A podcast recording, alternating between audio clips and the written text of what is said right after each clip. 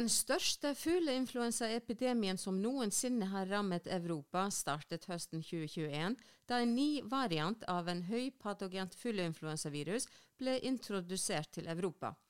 Aldri før har fugleinfluensa rammet så mange fjørfebesetninger i Europa, og villfugl er også blitt rammet hardt. Hele fuglekolonier har nærmest blitt utslettet grunnet høy smittsomhet og dødelighet hos fugl.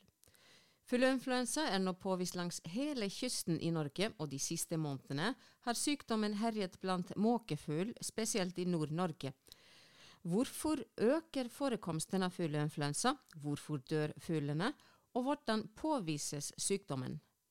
Dette er tema i denne episoden i Vettpotten. Gjestene våre er fagansvarlig fjørfe ved Veterinærinstituttet, Silje Gramstad, og seniorforsker og virolog ved Veterinærinstituttet, Ranhild Tønnesen.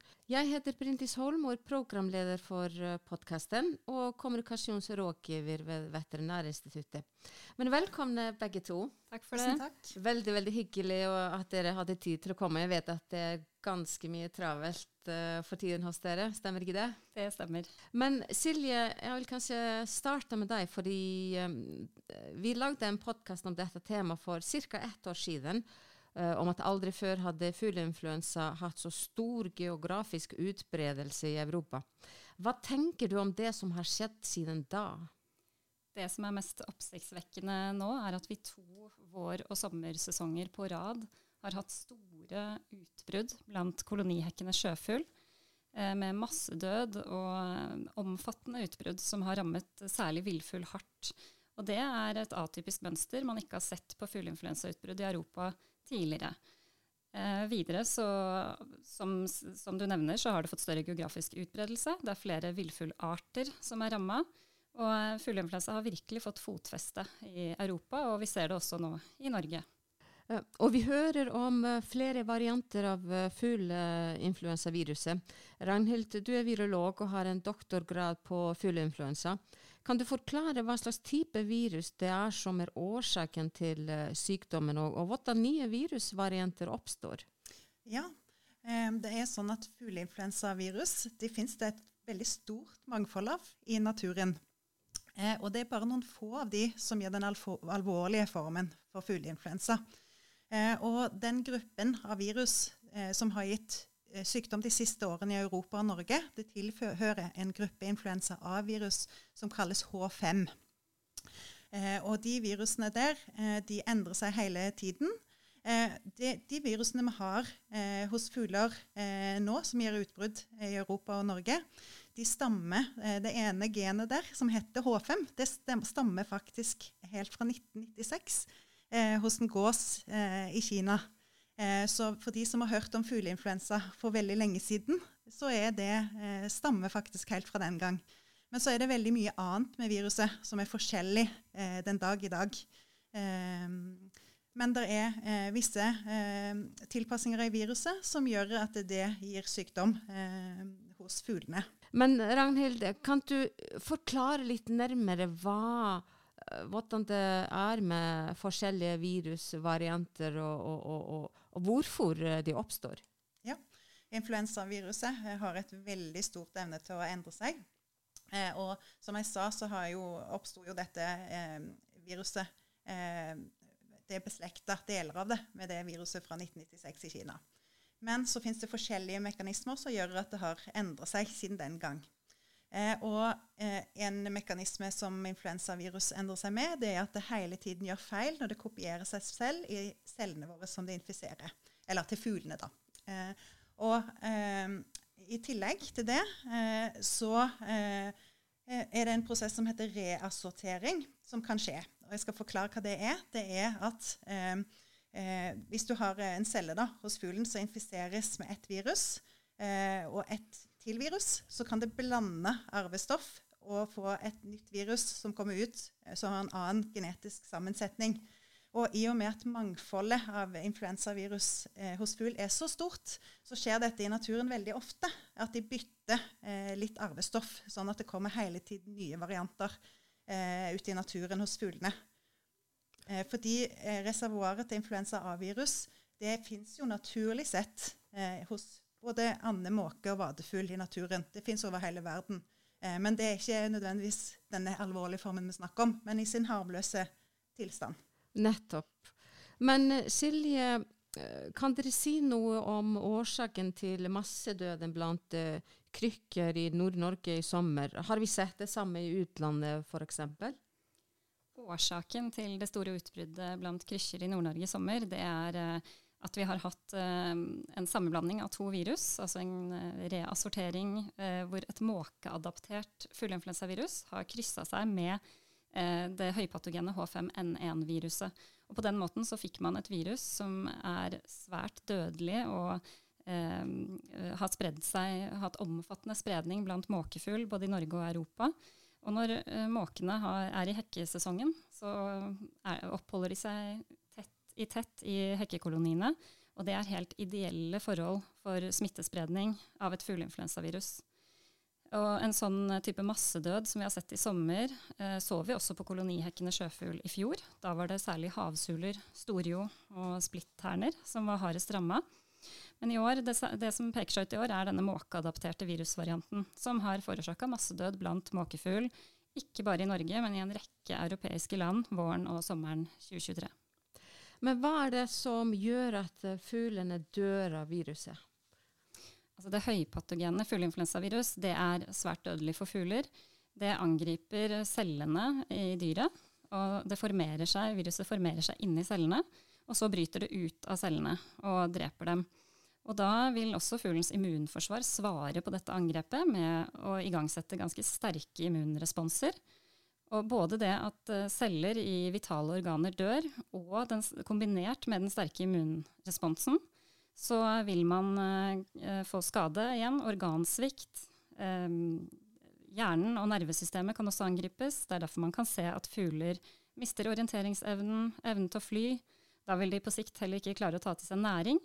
Men man tror da at tiden fra en fugl smittes til den uh, dør som følge av høypatogen fugleinfluensa, den kan variere. men basert på nåværende kunnskap om viruset, så eh, antar man at det er et raskt sykdomsforløp og relativt få dager fra fuglene smittes til de dør.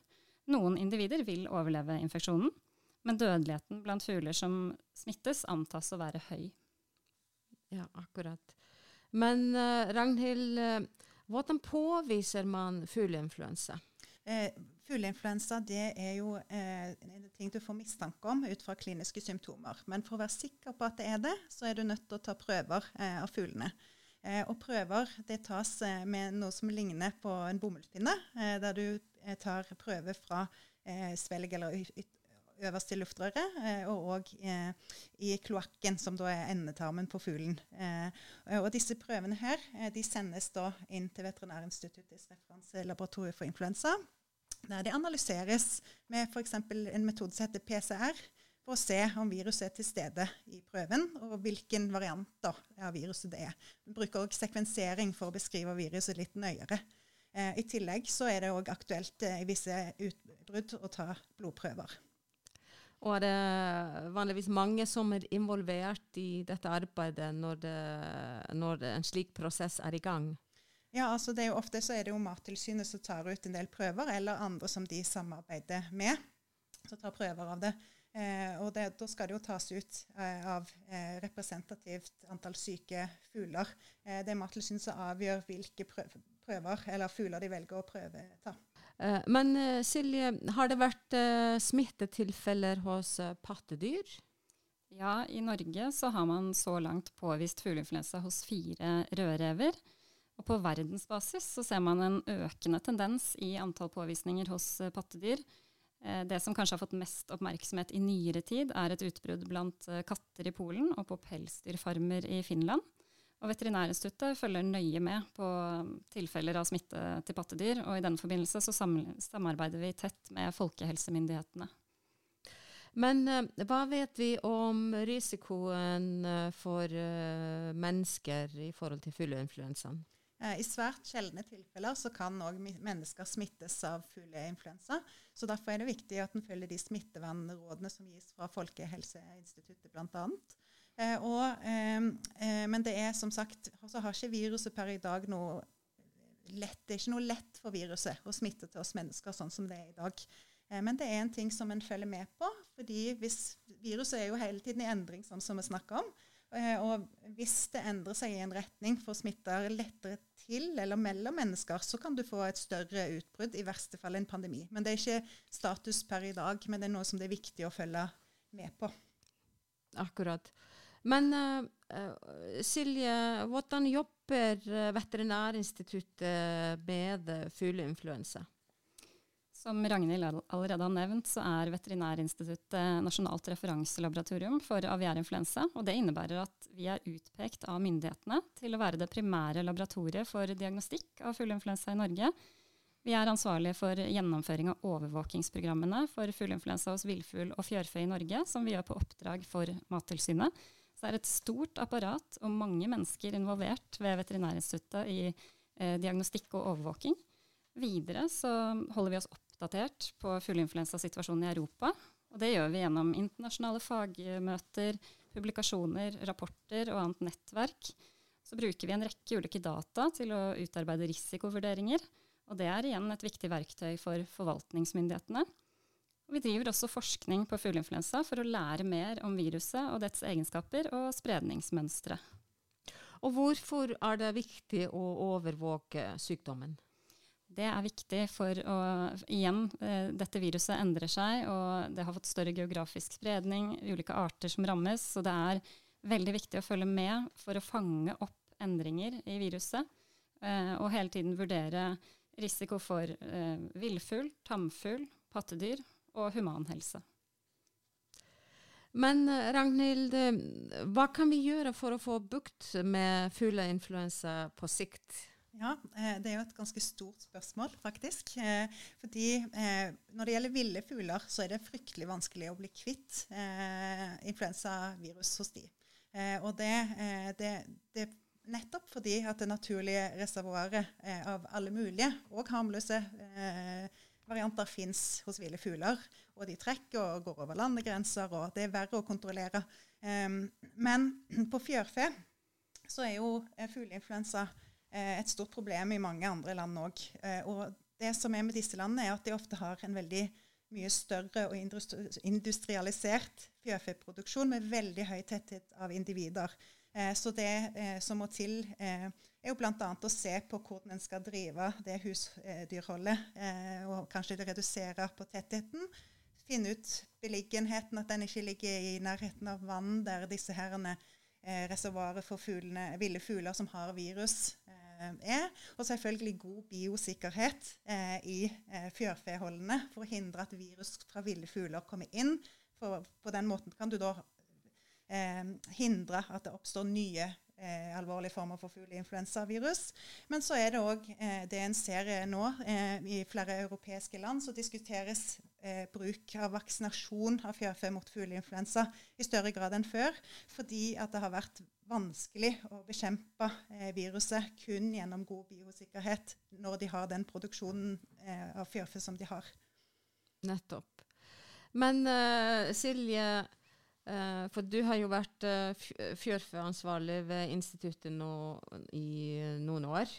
Hvordan er det å, å, å ha jobbet med dette? Hva, hva tenker du om erfaringen du har fått nå de siste årene mens dette har pågått? For det første har eh, utbruddene både på fjørfe og villfugl gjort stort inntrykk på meg. Uh, det er et enormt stort apparat i sving. Mange mennesker involvert, og en tragedie for dyrene som rammes. Og jeg ser at med den utviklingen som har vært bare de siste to årene, så er dette en sykdom man virkelig må jobbe kontinuerlig med å forebygge i, hos tamfugl og fjørfe. Eh, og her kan man ikke eh, hvile og slappe av. Her må man ha beredskap året rundt. Eh, og prøve å gjøre det man kan. Heldigvis er vi i en god situasjon i Norge, hvor vi har hatt, sammenlignet med andre europeiske land, få utbrudd på fjørfe. Det er en situasjon man må prøve å opprettholde. For det er, som Ragnhild har vært inne på, veldig uønska situasjon når disse virusene kommer inn i fjørfebesetninger. Så Eh, mange inntrykk og bratt læringskurve på fugleinfluensa de siste to årene. Det er blitt et problem i USA nå også. De også har store utbrudd med H5N1-varianten. Eh, man tror at eh, via ulike trekkfugleruter så har den virusvarianten som har fått fotfeste i Europa, har også spredd seg til USA og Nord-Amerika. Nå er det også i Sør-Amerika. og Da kan vi snakke om industrialisert fjørfeproduksjon, hvor uh, Brasil f.eks. nå er uh, ganske bekymra, tror jeg, nedi der for hva som vil treffe dem. Så det her har blitt et globalt, altså den virusvarianten har blitt et globalt problem over de siste årene. Nettopp. Vi, vi, har bare hørt så mye om det som skjer i Europa, at vi hører kanskje ikke alt uh, som skjer andre steder. Nei, men vi på Veterinærstudiet følger nøye med, også på det som skjer på, i andre verdensdeler, andre kontinenter enn uh, i Europa. Så det, det, tror vi er viktig å følge med på. Silje Granstad og Ragnhild Tønnesen, tusen takk for at uh, dere var gjester i Vettpotten. Takk. Takk for at vi fikk komme. Du finner mer informasjon om dette temaet på våre hjemmesider vettins.no. Husk å følge oss på Facebook. Ny episode i Vettpotten kommer snart.